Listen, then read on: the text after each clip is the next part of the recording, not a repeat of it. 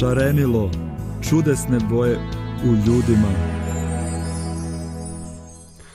Dobar dan poštovani slušalci Radija Pomirenje kao i svima vama, vama koji nas pratite preko Facebooka ili YouTube-a. Evo nas u još jednoj emisiji uh, jutarnjeg programa. Pozdravljam moje sagovornike danas, uh, Lidiju i Zdravka. Pozdrav Milane, tu smo, stigli smo, spremni. Pozdrav. Kao i Mariju koja nam se javlja od kuće. Pozdravljam ja vas, pozdrav. Ćao, čao Marija, pozdravljamo te. Um, evo, naslov današnje emisije jeste Metamorfoza čovjeka u Bibliji. Um, I vjerovatno vam je poznata ova riječ, možda ste je nekad davno učili još u osnovnoj školi, da li se možda sjećate njenog značenja i u kom kontekstu se ona koristila? Ili bar, il bar u kojem predmetu školskom se koristila? Biologija. Aha, aha dobro. Sedi, to je za dva znanje. Ajmo dalje, malo detaljnije. aha, dobro, dobro, prošaj, prošaj. Dobre, da, da, da, da, ja, pretvaranje ličinke u leptira. Recimo, dobro, da. bravo, bravo. Pa to, da, kad imaš decu školskog uzrasta, onda obnavljaš znanje, znaš, i onda se praviš pred decom kako sve znaš ovaj, a iščitao pre toga iz knjige i tako. Ovaj. Tako oni ovaj. spavaju. Tako oni spavaju, da. Ono, kako neću znati šta je metamorfoza, pa daj, molim te, znači.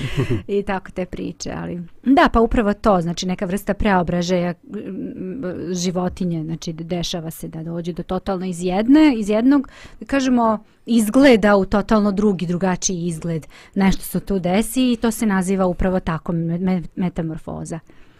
Dobro. Marija, ti naravno sve znaš o metamorfozi. Ja naravno hoću da dodam da ovaj pojam ima i šire značenje. Mm -hmm. Naprimjer, možda je njegovo usko ve, značenje vezano za preo, to preobraženje ili pretvaranje jednog oblika u drugi. Možda je najčešće nama poznato to iz biologije što smo učili u školi, ali ovaj pojam se koristi na primjer i u geologiji kada se dešavaju neke promene u stenama zemljine kore gde se jedan mineral uh, na neki način preobrazi u drugi pod određenim fizičko-hemijskim uslovima, mm -hmm. nekim reakcijama. Mm -hmm. Koristi se Dobar. takođe i u grčkoj mitologiji uh, a, to je možda poznatije ljudima koji vole tako legende iz grčke mitologije, ali postoje brojne legende gde su bogovi vršili osvetu ili neku vrstu kazne, ili u manje, mnogo manjim slučajevima gde su vršili neko milosrđe na taj način da su čoveka pretvarali u neku životinju, u biljku, drvo, zvezdu ili slično. Takođe postoje i legende gde su od mrtvih nekih predmeta ili životinja stvarali ljude. I sve ovo se zove metamorfoza. Mm. Pretvaranje. Da, da li možda znaš uh, uh grčko, grčki korin riječi šta je meta, šta je morfozis? Ja mislim da se morfozis odnosi na oblik. Mm -hmm. Jer gdje god se spominje morfologija, to se odnosi na oblik nečega, a onda meta bi vjerojatno hm, nisam baš siguran, pa neće, ne želim da govorim u, u eteru. Googla, Googla ćemo Ne želim da bubam u eteru, mm. radije pitati gospodina Googla, ali ovaj, mislim da... Mislim da, da, da taj pojem, da, nama je najpoznatiji u biologiji, ali koristi se u mnogim drugim naukama i ne samo u naukama, već i on je u, u, u grčkom jeziku bio, bio pojem koji se široko koriste, pa čak i u eto, um, novom zavitu koji je pisan na jednom narodnom jeziku, više puta se spominje i koristi ta riječ e, metamorfozis na grčkom, mi kažemo metamorfoza i danas bi želi da razgovaramo a, dobro šta ta sad neka neka metamorfoza, neki za nas uglavnom naučni izraz bi, bi rekli šta, šta sad tu ima, kako to mjesto ima u Bibliji i šta je sad to bitno za nas danas. Um, htio sam još i da pročitam da mm, što se tiče biologije, ovaj, znači metamorfoza u biologiji je upečatljiva promjena oblika ili strukture kod jedinka nakon izlijeganja ili, ili rođenja.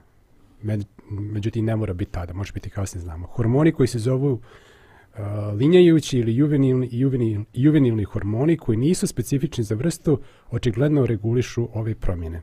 Ove fizičke promjene kao i one koje uključuju rast i diferencijaciju praćene su promjenama fiziologije, biohemije i ponašanja organizma. Znači nije samo da se promijeni izgled, već se promijeni i unutrašnja struktura i čak i ponašanje. A, znači nije mi ovo što je Zdravko pomenuo je naš je najpoznatiji al tako slučaj kad se ličinka ili larva pretvara a, u leptira Davno mi djeca išla u osnovnu školu. Kad si išao? Moraš sačekati unuke sad da ponoviš ovaj, primjeri metamorfoze uključuju punoglavca, vodenu fazu, larve koja se transformiše u, vodenu, u kopnenu žabu, morske zvijezde i druge bodljikaše koje također prolaze kroz metamorfozu. Međutim, među najdramatičnijim i temeljno proučavanim primjerima metamorfoze su insekti. I znamo tu etete, ili se barem sjećamo kao kroz maglo, uh, da postoje neke četiri faze u razvoju leptira. Prva je jaje, jel tako, prvo bude jaje, pa se onda iz jajeta izliže larva, pa onda ta larva jede, jede, jede, lišće, sve što nađe oko sebe i onda kad se dovoljno najede, onda se zatvori u određenu, a kako se to sad čaur, kaže? Čaur. Čauru, tako je. E, neki kažu kukuljicu, jel, mm. ima više izraza. I onda u toj čauri ona boravi neko vrijeme, možda, ja mislim, možda nekoliko sedmica, nisam siguran. I ovaj i nakon toga iz te larve izađe leptir i sad možda se sjećate onih, ne znam, i mi stari koji smo gledali opstanak i ovi, ovi mlađi koji su gledali neke druge uh, dokumentarce na Discovery-u, uh, ta leptir ima u početku neka mokra krila pa ih on suši pa maše njima pa malo vježba te mišiće uh, umjestu, a onda poslije poleti i i bude ono što mi a, nazivamo nekim predivnim bićem, a eto tako, imalo je tako malo skromnije početke od onoga što smo mi vidjeli. Um, dobro, e, da li znate, da li ste čuli za jedan, da pusti jedno knjiženo dijelo koje se zove Metamorfoza od jednog poznatog pisca? Da, čula. Dobro. Čula, upravo sad iščitala na Google tražići uh, znači, šta znači metamorfoza ovaj, na grčkom i nisam uspjela da nađem. Juče sam gledala neku emisiju, bila je takmičarskog tipa i baš su rekli, ona je možda konsultuješ Google i osoba uzela, ukucala sve, sve, sve i ono 20 sekundi osoba nije uspjela da nađe. Pa kako nisi uspjela? Stvarno kaže sve si dobro ukucala, leto nisi uspjela da nađeš. Tako sam ja danas osjećam se. nisam uspjela da nađem tačno da, neka, šta neka znači, pretraga. ali sam videla. Da. Evo, Reci, Marija. Evo ja ću, malo sam se podsjetila grčkog jezika. Uh, ne mogu ni uvek sve reći da se upamte. O, naravno. Ako, što ne koristiš, to izgubiš. Da. Jeste. Nažalost, tako je sa jezikom. Da. Ali generalno reč meta znači uh, posle ili iza, nakon nečega a amorfoza u stvari ta reč se ne koristi sama nego u ovom izrazu metamorfoza i dolazi od e, grčke reči morfozis što znači oblikovanje ili formiranje mhm. tako da kad se ove dve reči spoje onda ispada iza ili posle nekog formiranja e, što je dovelo do naše reči e, neko preobraženje ili pretvaranje u nešto drugo mm. Dobro, i upravo tu ideju je iskoristio Franz Kafka u svom romanu Metamorfoza koji je napisao 1916. A, pa je onda i snimljeni film 2016. Ovaj, po tom romanu. Očigledno da je to što je bilo 100 godina kasnije bilo, bilo značajno. I evo otprilike uvodu u roman jeste kad se Gregor Samsa probudio jednog jutra iz neugodnih snova našao se pretvoren u svom krevetu u ogromnog insekta.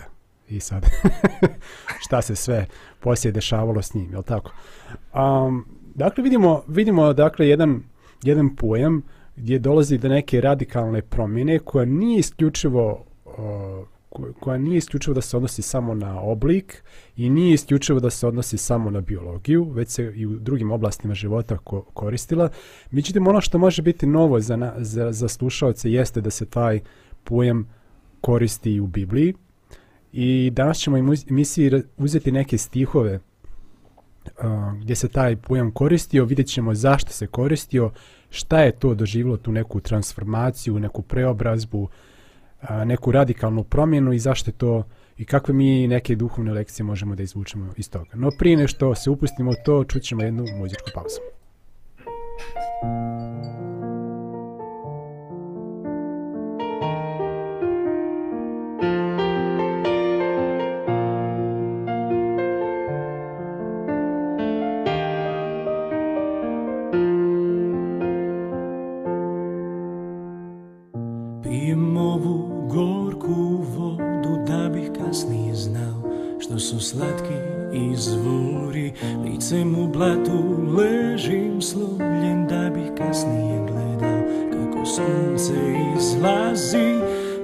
da bih znao hodati, gubim dah, da bih znao disati. Sve bitke gubim da bih znao ljubiti, umirem da bih znao živjeti.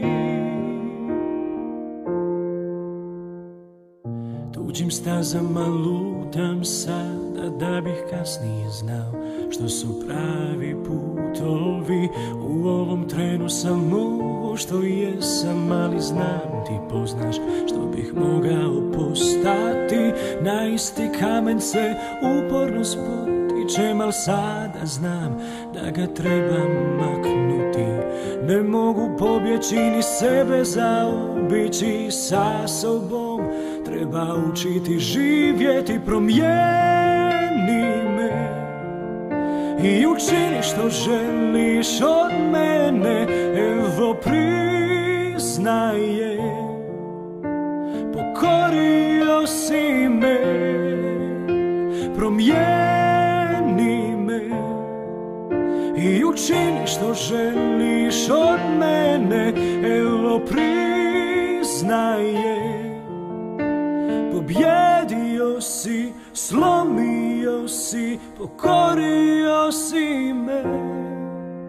Tvoja ljubav daje snagu, daje utjehu.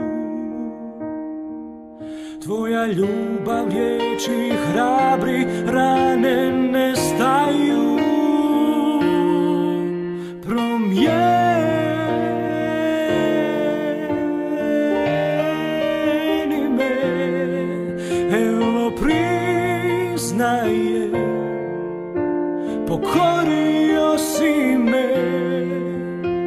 promijeni me i učini što želiš od mene evo priznaje pobjedio si slomio si pokorio si me u mom neradu mi srce mi čini se sve to polako prihvaća Jer ti si u njemu prisutan I tako si živ i tako te osjeća Evo nas nazad u studiju, naš, nastavljamo sa našom temom o metamorfozi u Bibliji. I evo prvog stiha iz Biblije koji bih htio da pročitamo i da malo razmislimo njemu i zašto se jedan ovaj pojam koristi ovdje. A možda prije da naglasim onima koji, koji ne znaju da je, da je, već sam pomenuo da je Novi Zavjet pisan, pisan na grčkom jeziku i to na jednom narodnom, narodnom grčkom jeziku.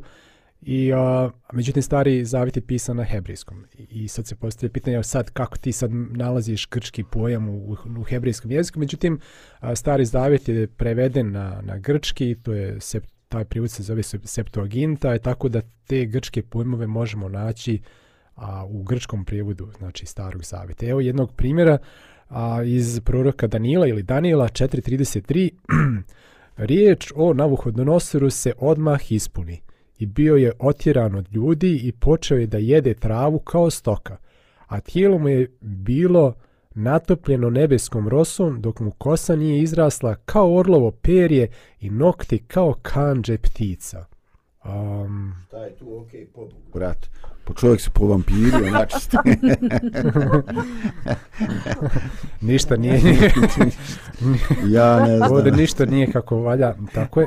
Ovaj znači Nabuhodonosor je bio najmoćniji uh, car Vavilonske imperije i ovaj ovdje vidimo jedan događaj koji nije bio ovaj da tako kažem najsjajniji moment njegove njegovog njegovog života a gdje gdje on ovaj od jednog moćnog cara postao eto neko neko stvorenje mislim bio on i dalje čovjek ali malo malo drugačiji um, šta ovdje kako ovdje vi vidite metamorfozu šta kako, kako do kakve preobrazbe ovdje došlo Mo, naš stari bi rekli čovječ on je krenuo pretvarati se iz insana u hajvana Da, ovaj, pa je li se likantropija to zove ili kako se ne, bio ima neki izraz. Ovaj, jeste, jeste, likantropija se zove. O, to je nešto već e, registra, ono kao medicinski fenomen, znači ovaj, e,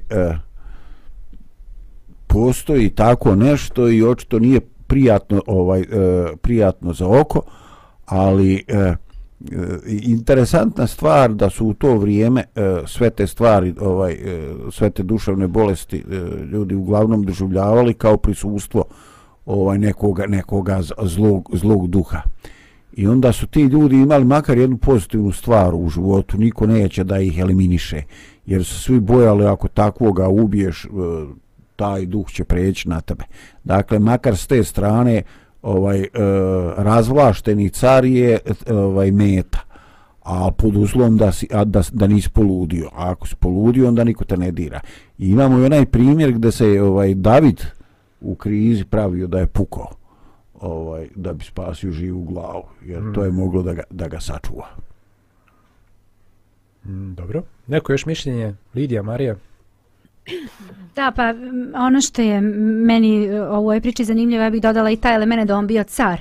I s obzirom da je bio car, naravno da nisu mogli oni tek tako da kažu ok, ajmo mi sada njega da, da, da svučemo sa... Mislim, oni više nije mogla da vlada u svakom slučaju.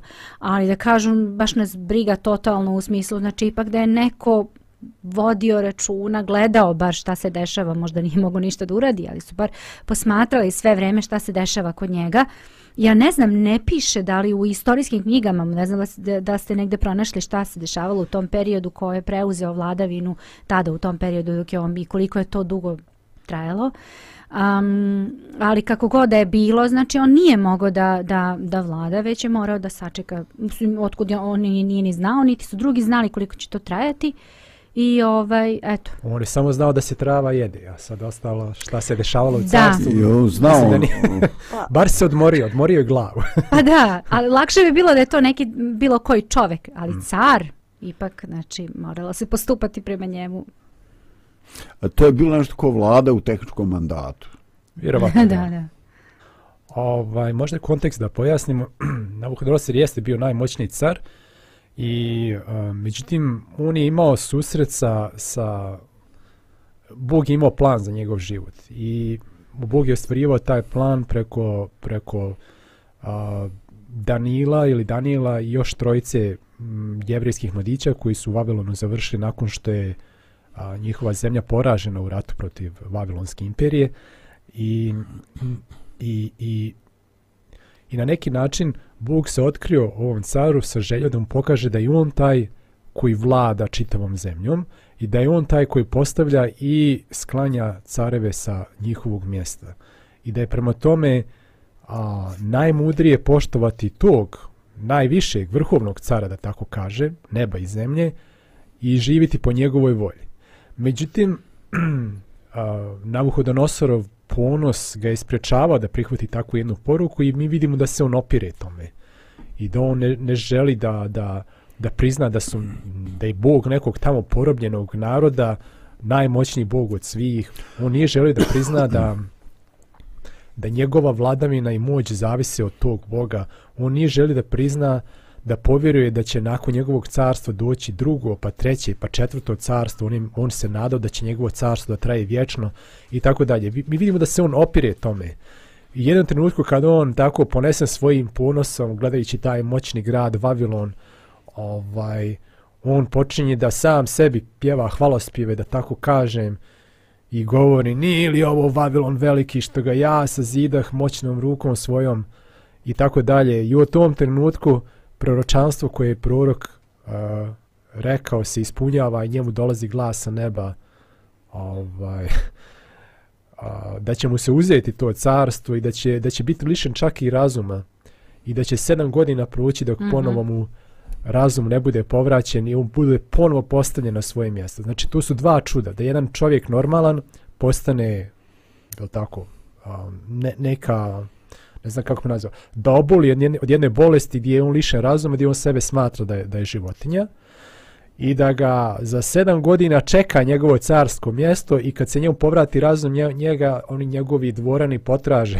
znači, to ne znam, to su već dva čuda, da on tek tako tomu prođe to stanje i da mu još bude vraćeno carstvo. To je stvarno ono baš, ovaj, ali Božja volja je takva bila i onako kako je Bog rekao, tako se i desilo.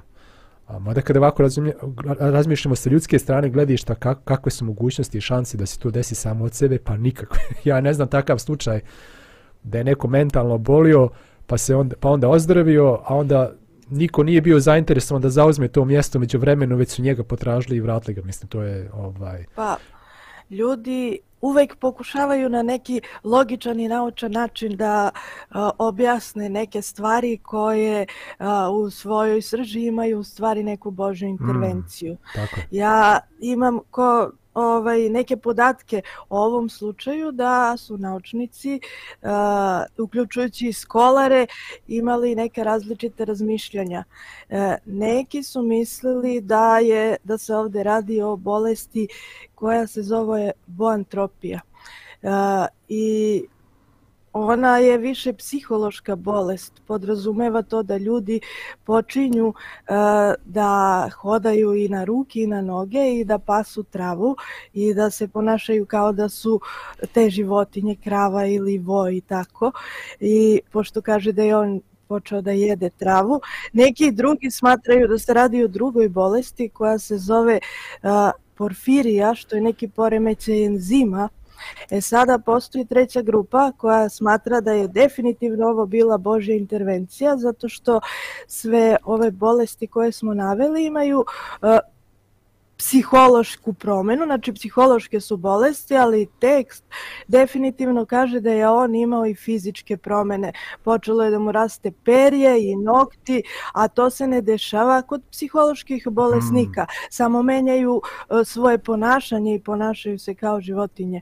Uh, što definitivno ukazuje na to da je ovdje bila umešana neka viša sila. E sada za mene je isto to još veće čudo da u to vrijeme kada mi znamo šta se kroz celu istoriju događalo sa kraljevima, da su bukvalno tu bila krvoprolića, da su uh, se ubijale i porodice i deca, samo da neko ne dođe do prestola. E sada uh, njega nema sedam godina i uh, po Božjem obećanju nakon sedam godina nikomu ne uzima presto ni njega ne ubija u takvom stanju, nego ga Bog vraća na presto. Hmm po, bilo bolon dva stoga sijera, tamo velika bašta, on malo paso, malo su ovo tamo bilo te trave i tako ono kao. Ka, da, Br državni budžet se popunio, nije da, više da. bilo ovaj pa bogate. Pa nije trošio na neki kažem, bilo gozbi i yes. banketa. Ko zna šta je on sve zahtevao, vidiš sad. Ove, ja lično sada govorim onako kako ja to um, doživljavam, čak nemam ništa protiv ni da je Bog umešao svoje prste u iskoristivši se nekom od bolesti koje danas možda ljudi nazivaju ovakvom ili onakvom bolešću. Ili to možda neka kombinacija bolesti. Znate, de dešava se da neki čovek oboli nikada niko nije čuo za tu bolest, eto prvi put se desilo i ne znaju još kako da to izleče, jedna jedina jedna situacija i to je to. Ja čak nemam ništa protiv ni da je Bog iskoristio ovaj tu situaciju i da ali um, ja zašto zašto i dalje verujem da božja intervencija u pitanju zato što je um, ovaj um, pošto je Bog rekao da će tako nešto biti i izrečeno je bilo i caru i on je rekao za sedam godina ti ćeš se povratiti. I stvarno je tako i bilo. Za sedam godina on se vratio. Ne za tri, znači, ni za pet, niko, ni za Upravo devet. to, ko je mogu da zna tačno da će to trajati od prilike eto, nekih sedam godina. Ja govorim iz perspektive recimo ljudi koji su bili tamo, oni su možda mogli da kažu ma nema od toga ništa, nema mi pojma kada će on izaći i hoće li izaći iz te bolesti.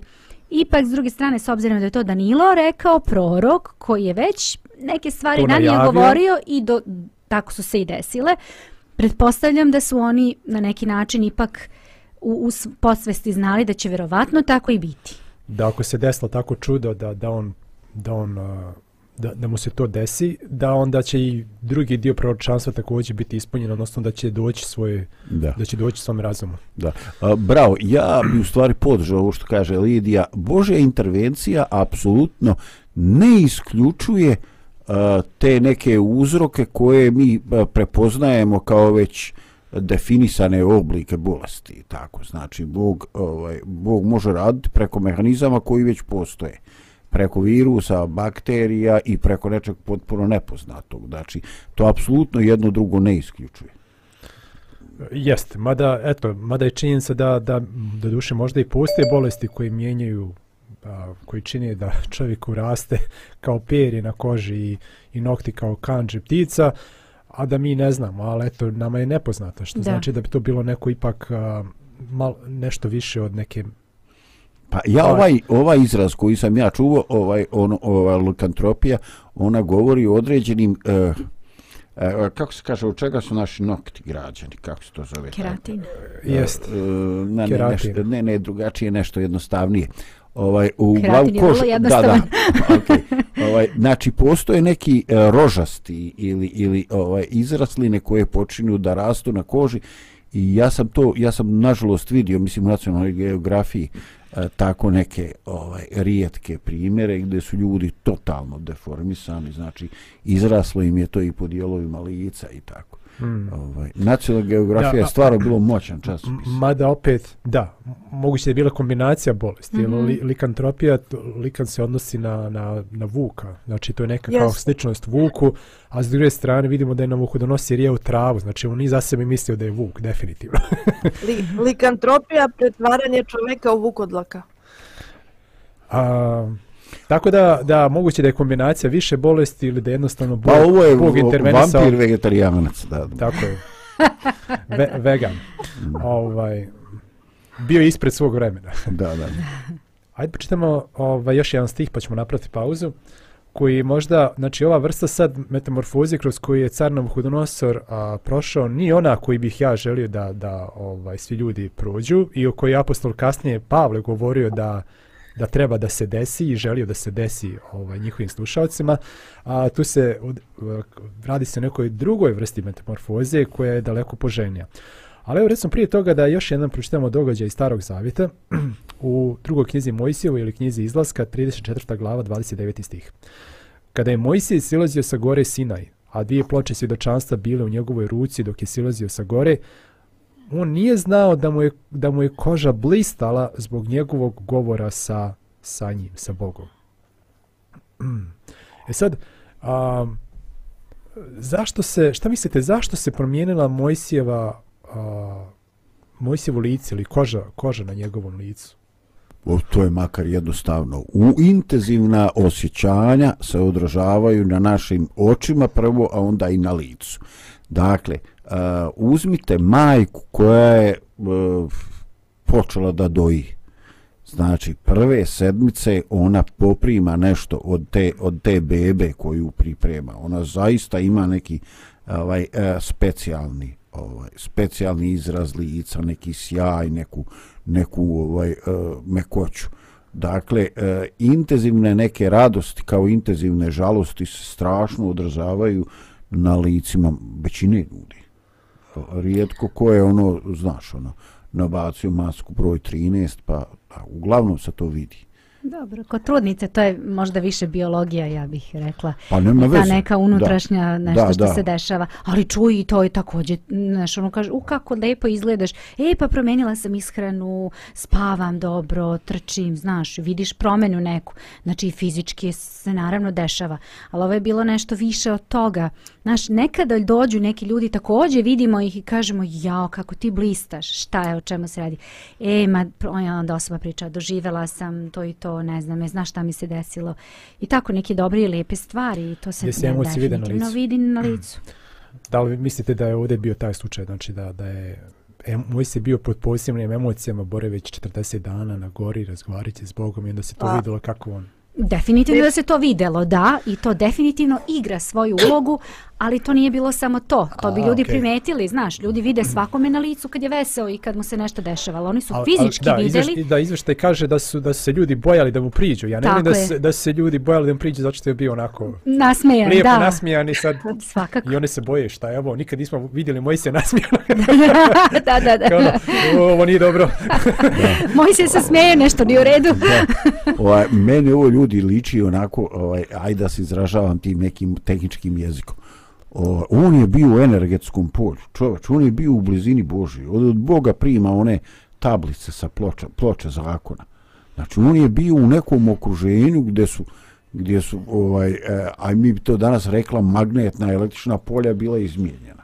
On se, on se buraz na, na elektriso, počeo sijat kone unka, razumiješ? da, Pa, ajde kad već praviš poređenje sa, sa neonkom, a, e, u neonkama se nalazi određeni inertni gas. I kao što je, ne znam, neon, argon ili slični.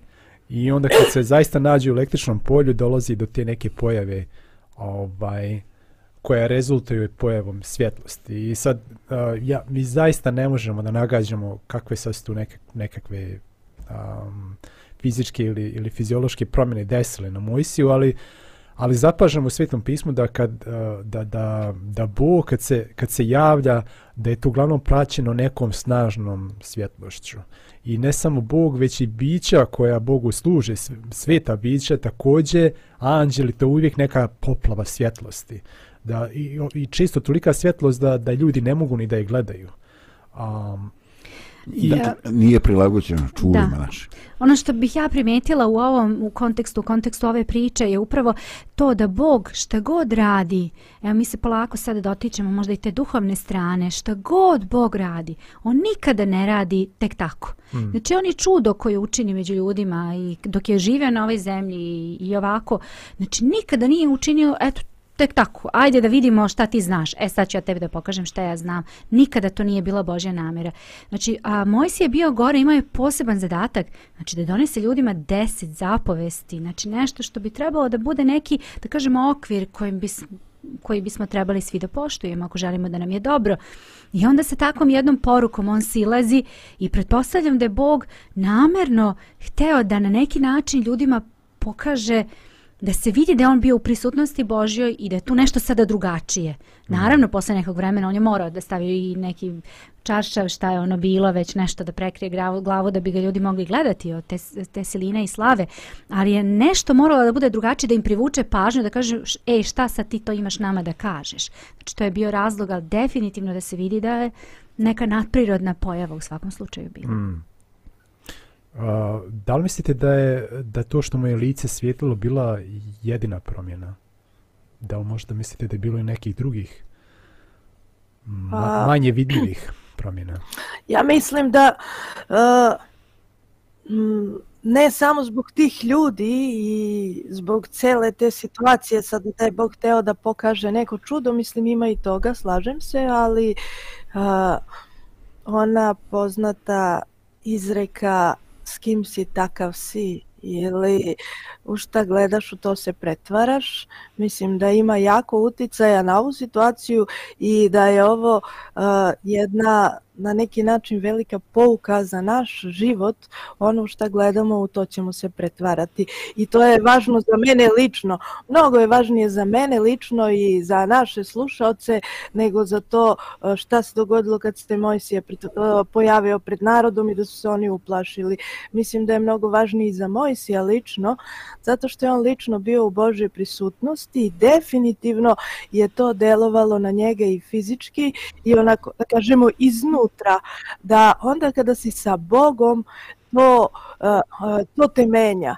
Hmm. Prosto, eh, ne kažu ljudi džabe, pogledaj sa kim se neko druži, pa onda ćeš da znaš i on kakav je. Zato što neminovno stvari utiču na nas pozitivno ili negativno i mi širimo uticaj pozitivni ili negativni, to je neizbežno u ovom svetu.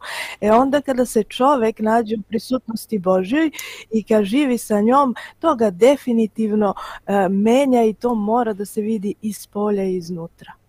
Ono što bih ja htjela samo još da napomenem, neću dugo, da je bilo prilika jedna druga situacija, mislim da sam to ispominjala i ranije o emisijama, ali meni je jako upečatljivo i spomenut ću i sada, kada je Mojsije tražio od Boga da bi on želeo da vidi Boga i onda Bog njemu kaže, ok, možeš da me vidiš, ali možeš da me vidiš samo sleđa.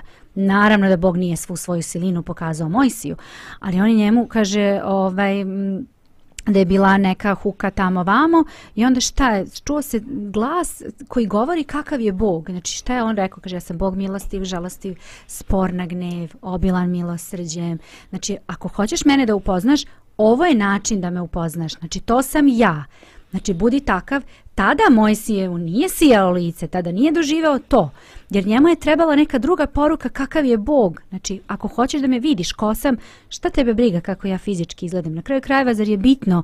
Bitno je kakav sam ja, kakav je moj karakter i onda je Bog njemu to, to i pokazao. Ono što je njemu u stvari trebalo.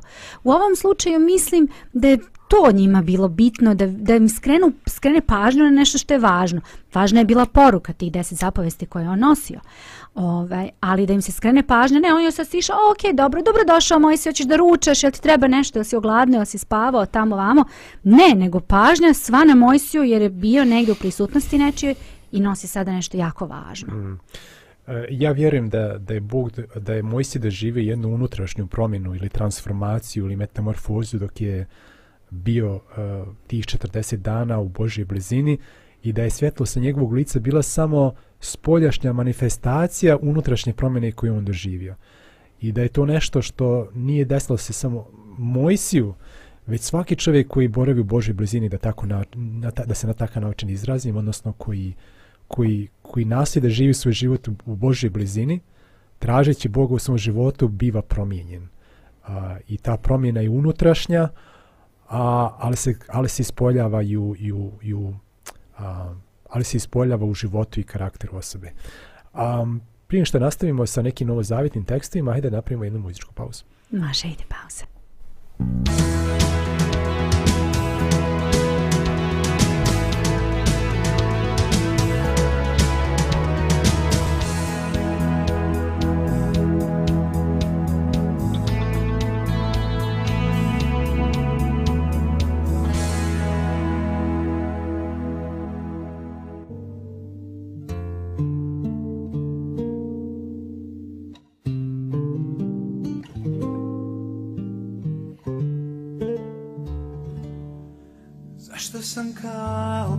čašnja prozor Što ne propušta tvoj sjaj Zašto sam kao kasna zvezda Na već plavom nebu Zašto kad želim da ti dam Moje srce kamen Da te jače volim Želim sad ja Želim sad ja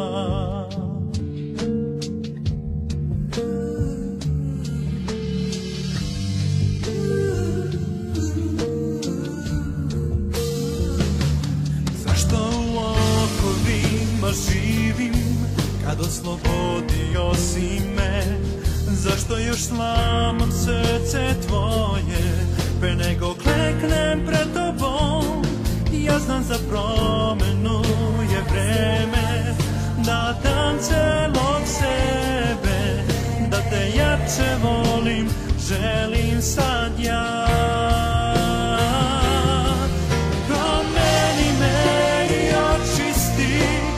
standing.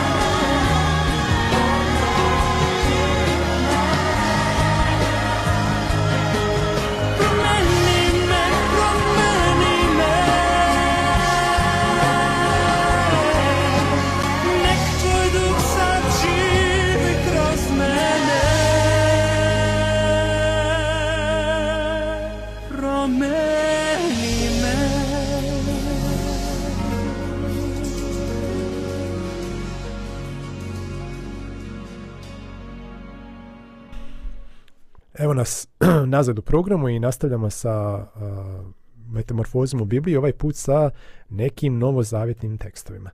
I evo, htio bih da prečitam tekst iz poslanice Rimljanima 12. glava 2. stih. I nemojte više da se seobražavate ovome svijetu, nego se preobražavajte obnavljanjem svoga uma, da razeberete šta je Božja volja, šta je dobro, prijatno i savršeno.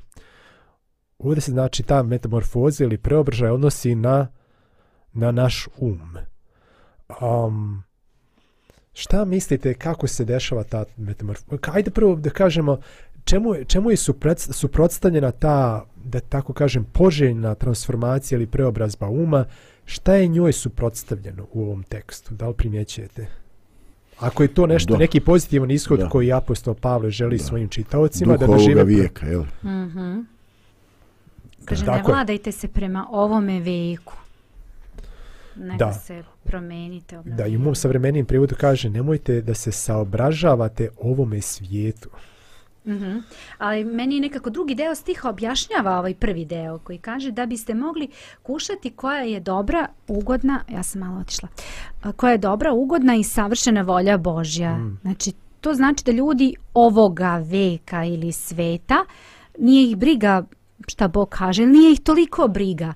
Ali ako hoćeš da ti bude dobro, uh, onda trebaš da promeniš svoj način razmišljanja, znači da, us, da usmeriš svoju pažnju ka nekim duhovnim stvarima, eh, ka činjenju, da kažem, volje Božje. E šta, sad, šta to sve podrazumeva? Možemo o tome? da. Pa evo vidi, ja ovdje imam malo onako otpora. Ovaj, zato što mislim da ove riječi se olako koriste. Da, se, da. da se olako koriste. Ovaj, eh, i mi se kao složimo, a ponekad nisam siguran da li mi shvatamo s čim se slažemo. Pazi, nije to nimalo jednostavna stvar, kaže, nemojte se ovaj e, ponašati u duhu ili po standardima vremena i toko. Dakle, ako ovaj e, ako ova današnjica, ako, ako ovo savremeno doba ima neku svoju dominantnu paradigmu, ima neki pristup, ima nešto što je e, definitivno prihvaćeno Eh, kao oblik, kao pristup, kao ponašanje, kao određena eh, da li životna eh, filozofija, kao određena kosmologija na kraju krajeva gledanje na, na čitav svijet, na materiju, na duh, na postojane. I sad kaže nemoj tako. R razumijete me šta, šta sugerišem? Da, da, ne budeš, se, da ne budeš normalan ko sav svijet. Znači, tebe poziva, jel, jel to je kriterijum normalnosti čovječa? Znači, u svijetu u kojem, u kojem ti živiš, to je kriterijum ovaj normalnosti. Ovaj evo ja ću pristati, ali neću da uzimam vaše vrijeme, ali priznaću recimo ovaj e, tačno postoje e, granice. Pojedini vijekovi su bili raskrsnice istorije. Hmm. Znači kad su jednostavno e, mijenjala se taj dominantni pogled na svijet. Ovaj e, kad su jednostavno ljudi e, uviđali da je svijet definitivno promijenjen, da je drugačiji i onda su e, svjesno e, mijenjali, uvodili nove stilove umjetnosti i tako, ovaj, da bi, evo recimo renesansa, šta se kaže? Znaš, kaže se da je to ovaj, e, crkva učinila da se doda nova život, životnost svim tim biblijskim i drugim motivima religioznim da bi oni bili privlačni da bi ljudima jer su ljudi postali drugačiji jer su postali uh, puno renesansniji, otvoreniji prema sebi, prema svojim tijelima, prema čulima i tako. I onda da bi ti govorio jezikom kojim te ljudi razumiju, ti se moraš saobražavati na način govoriti razumljivim jezikom. A ovdje nam se kaže upravo to, e nemoj ti biti u tome što je kriterijum normalnosti. Ovaj, praktično, evo, ja već duže vrijeme, uh, duže vrijeme ovaj, uh, shvatim, shvatam da ono što kaže što je normalno, uh, ovaj e, pred ovim svijetom znači e, to je to je nenormalno pred Bogom mm. i obrnuto znači ovo je vrlo važno da naglasimo znači ako je, ako ako je naša dominantna motivacija da budemo kao i svi ljudi kao kao i svi drugi ljudi da nas ljudi prihvate i tapšu po leđima mi nikad ne možemo imati uh, odnos od, pravi odnos sa Bogom znači uh, znači ako želimo da nas ljudi ako želimo da budemo kao sav svijet normalni pred svijetom, mi ne možemo biti normalni pred Bogom. Znači, to, to je taj nekakav... A, košta pom, pomalo, da, e, da. Jedan izbor koji košta mm -hmm. čovjeka. Mm -hmm. tako? Znači, ne možeš biti u sjajnim, fantastičnim odnosima i sa, i sa svijetom i sa Bogom. Već na neki način, već na, ne na ne, neki način, već moraš da odabereš. Da. E, ima onaj jedan crnjak, jedan, jedan vic. Ovaj, kaže, šta je, šta je, je ne izlazite, ne vidi se ma kaže nedelja svi smo na okupu i nešto ovaj e, pa se nešto eto navlačimo dogovaramo se svađamo se u porodici pa šta je pa kaže čuli ste vi ono što je došla nova direktiva iz EU kaže u svakoj kući mora biti jedna gej osoba znaš dok je nisam čuo pa šta oko toga pa kaže čitao jutro ubjeđujemo djeda da smo prijavi ovaj tako i to ovaj znači budu neke stvari koje su ovaj jednostavno ovaj, nameću se eh, E, I mi čak evo živimo, mi živimo u vremenu kad su nam lansiran izraz nova normalnost. Hmm. Mislim, ja imam problema sa tim izrazima ovaj, e, e, o više normalnosti. Mislim, ono, vjer, vjerovatno sam ja metuzalem koji je okoštao već, ali ovaj, ja normalnost vidim fleksibilno, ali ne vidim baš, baš toliko fleksibilno i toliko različito i... E, da ta, ta, ta promjena paradigme o kojoj si govorili, promjena prevladavajuće pogleda na svijet se dešava u ovo vrijeme kad mi živimo i mnogi danas to primjećuju, da ne znam, ideal muškarca prije, ne znam, 40-50 godina, ideal današnjeg muškarca je, je ono, gotovo totalna suprotnost. Da je, ono, ne znam, tu bio nekakav muževan, snažan, uh, muškarac, zaštitnik porodice koji, ne znam, nija radi, obezbeđuje se svoju porodicu tada. Mogu da ušu mu i donesu, da uče drvo na leđima, čovječ. A sad je to neki muškarac koji, ne znam, nija ovaj, nosi sređe nokte, sređe nokte možda, možda i nosi žensku odiću, što da ne, koji, koji se obavezno. prezire svoju muževnost i koji, ne znam, nija... Ovaj, ta, tako, znači, jednostavno... Uh, a jedna promjena paradigme. Međutim ono što Biblija tvrdi jeste da da se da se Bože da se Bog a tako ni principi njegovog carstva ne mijenjaju i da mm. i da, da ne treba da da se saobražavamo ovom svijetu i šta ovaj svijet tvrdi da je vrijedno da mi prihvatamo da je vrijedno i šta je dobro da je to mi automatski prihvatamo da je dobro već da se povežemo sa nebeskim carstvom i sa njegovim sistemom vrijednosti i da da dobro bude ono što Bog kaže da je dobro, a ne što čovjek da. kaže. Da, e, aj nemoj da se ljutiš, ali ja baš onako, ovaj, baš rezonujem ovaj, uh, u skladu. Evo, primijetio sam da ste uveli jednu arhaičnu riječ u program, a nisam ja krivac. Uh, saobražavamo se. Uh, razumiješ, ima i slična riječ uh, upodobljavanje. Znači, uh, čovjek je pozvan uh, Eh, da Pošto se vraća. Pošto imaš ekskluzivna prava. Da, da, da pa da, da, mislim, da, riječi, a, a, da, ali stekao sam Ekskluzivni tako. uvoznik. A, da, da. O, e, evo da, sad i ovi drugi krenu, ljudi izgleda da širim neki virus, arhaični stari izraza. Ima izraz upodobljavanje da se, da se mi približavamo tom izgledu ovaj, Božje, Božje prirode. Ili iskonski kako je Bog predvidio na što mi da ličimo. Ovaj, to je slično. Ja sam više nekako za praktičnu primjenu svega ovoga o čemu pričamo. Super je znati sve te izraze. Šta to meni danas znači? Ja ću otići svoje kući. Kako da se ja preobrazim? Šta ja treba da radim? Kako da se ja ponašam da, da bih bila preobražena i da bih bila drugačija? To, to je ono što čime bih volala da da odem s ovog mjesta da znam šta da radim. Neće biti Mene isto ova reč saobražavajte se nekako nije mi bliska iako ajde možemo da kažemo da znamo šta znači ali nije neka reč koju koristimo u svakodnevnom govoru. Pa malo pogledala sam uh, ovde na grčkom i mislim da možemo nekako savremeno da približimo uh, da može to da, da se kaže i a, ne usklađujte se ne usklađujte se uz ono što, što se danas dešava uz normativ današnjice a, znači ne živite u skladu sa tim ili ne pratite tu modu a, što ukazuje na to da kad pogledamo istorijski, neko od vas je to pomenuo, da se normativi vrlo lako menjaju i nažalost eh, neka moralna granica eh, kao da sve ide niže i niže i ljudi to kao da većina ljudi ne primećuje da ono što je do juče bilo sramota danas je e, tako normalno ne samo vezano to sada za ponašanje muškaraca i to nego generalno na e, u svim pogledima život mladih ljudi e, evo do, do pre ne znam koliko, ali do skoro uh, je bila sramota živeti na jedan način, uh, a danas je to već normalno živeti na taj način i sramota je ako ti živiš drugačije jer uh, onda si ti zastareo. Uh, Na primjer, ranije, uh, ajde uzmemo ovo, mislim da je klasičan primjer, ranije je devojka kada se uda, uh, bilo je sramota koja ona nije nevina, a danas je sramota koja ona bude nevina. Da, s njom nešto baš, nije u redu, ona nije dob, normalna. Iz, istumbale su se neke stvari na glavačke. I čak postoje I sada, neke metode, je norma? Da, i čak postoje neke načine kako se ismijavaju ili po drugoj takvim osobama i kažu kao konzerva, kao ne vrać, vraćena, ne vraćena, neotvorena, da. kao, kao nije yes. ništa valjala. Yes. Ovo, ovaj, jeste, I to ja, sve, to sve izvo... mene, meni govori, mora negde postojati norma. Ne može da postavlja normu ko kako hoće u istoriji. Mora da postoji negde norma uh, koja je normativ e, za svako ponašanje u svako vreme.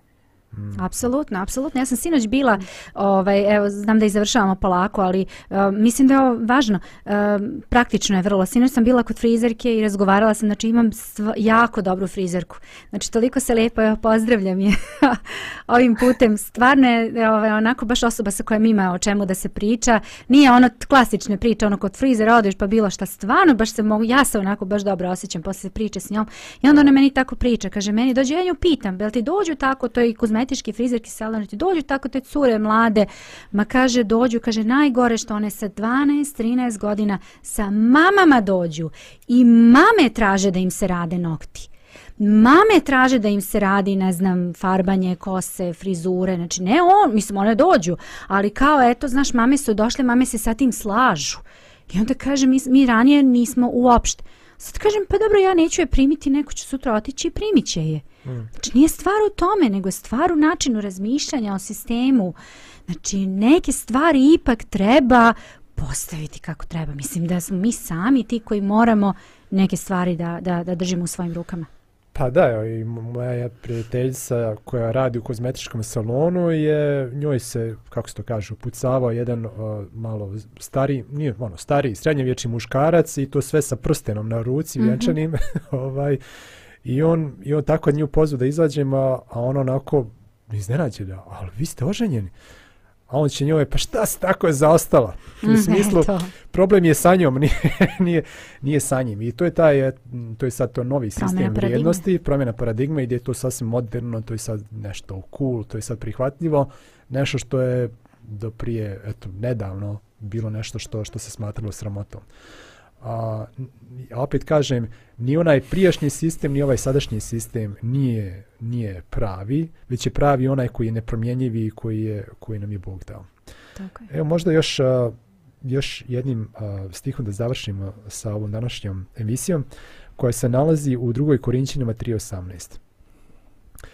A svi mi od koji otkrivenim licem gledajući kao u ogledalu slavu gospodnju, preobražavamo se u isti lik i slave u slavu, kao od gospodnjeg duha. Ovo možda sad izvan konteksta je, nije lako shvatiti na prvu, ali mislim da ovdje apostol Pavle upravo se poziva na događaj u Mojsiju u kome smo razgovarali danas. I, ovaj, I on poredi kako je Mojsij otkrivenim licem gledao slavu gospodnju, tu uh, koja istovremeno podruzima jeste ta nekakva pojava o, o neke e, svjetlosti i tako dalje, ali, ali se odnosi na Boži karakter. Znači, te dvije stvari idu zajedno. I da je on održavao i Boži karakter, a i tu neku vidljivu manifestaciju te Bože svjetlosti ili karaktera, odnosno tu neku svjetlost koja je sjela sa njegovog lica. I on kaže da to nije nešto što se desilo samo u Mojsiju, već svi mi koji otkrivenim licem a gledamo stavu gospodnju. I sad Ma Marija je pomijenula onu izreku u šta gledaš, u to se pretvaraš, a možda još jedno eto da pokušamo da kažemo šta to znači otkrivenim licem i kako mi možemo da se preobražavamo, da budemo slični Bogu u svom životu i karakteru. Teška pitanja za dva minuta, znam. da, evo ja ću pokušati u najkraćim crtama.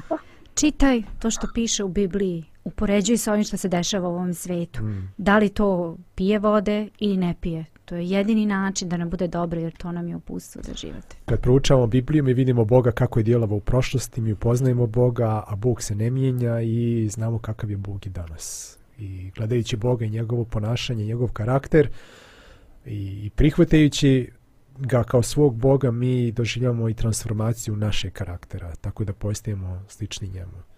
Još neko razmišljanje možda za kraj? Nešto što biste htjeli da poručite slušalcima? Pa ja bi isto kratko uh, pustite Boga da deluje u vašem životu.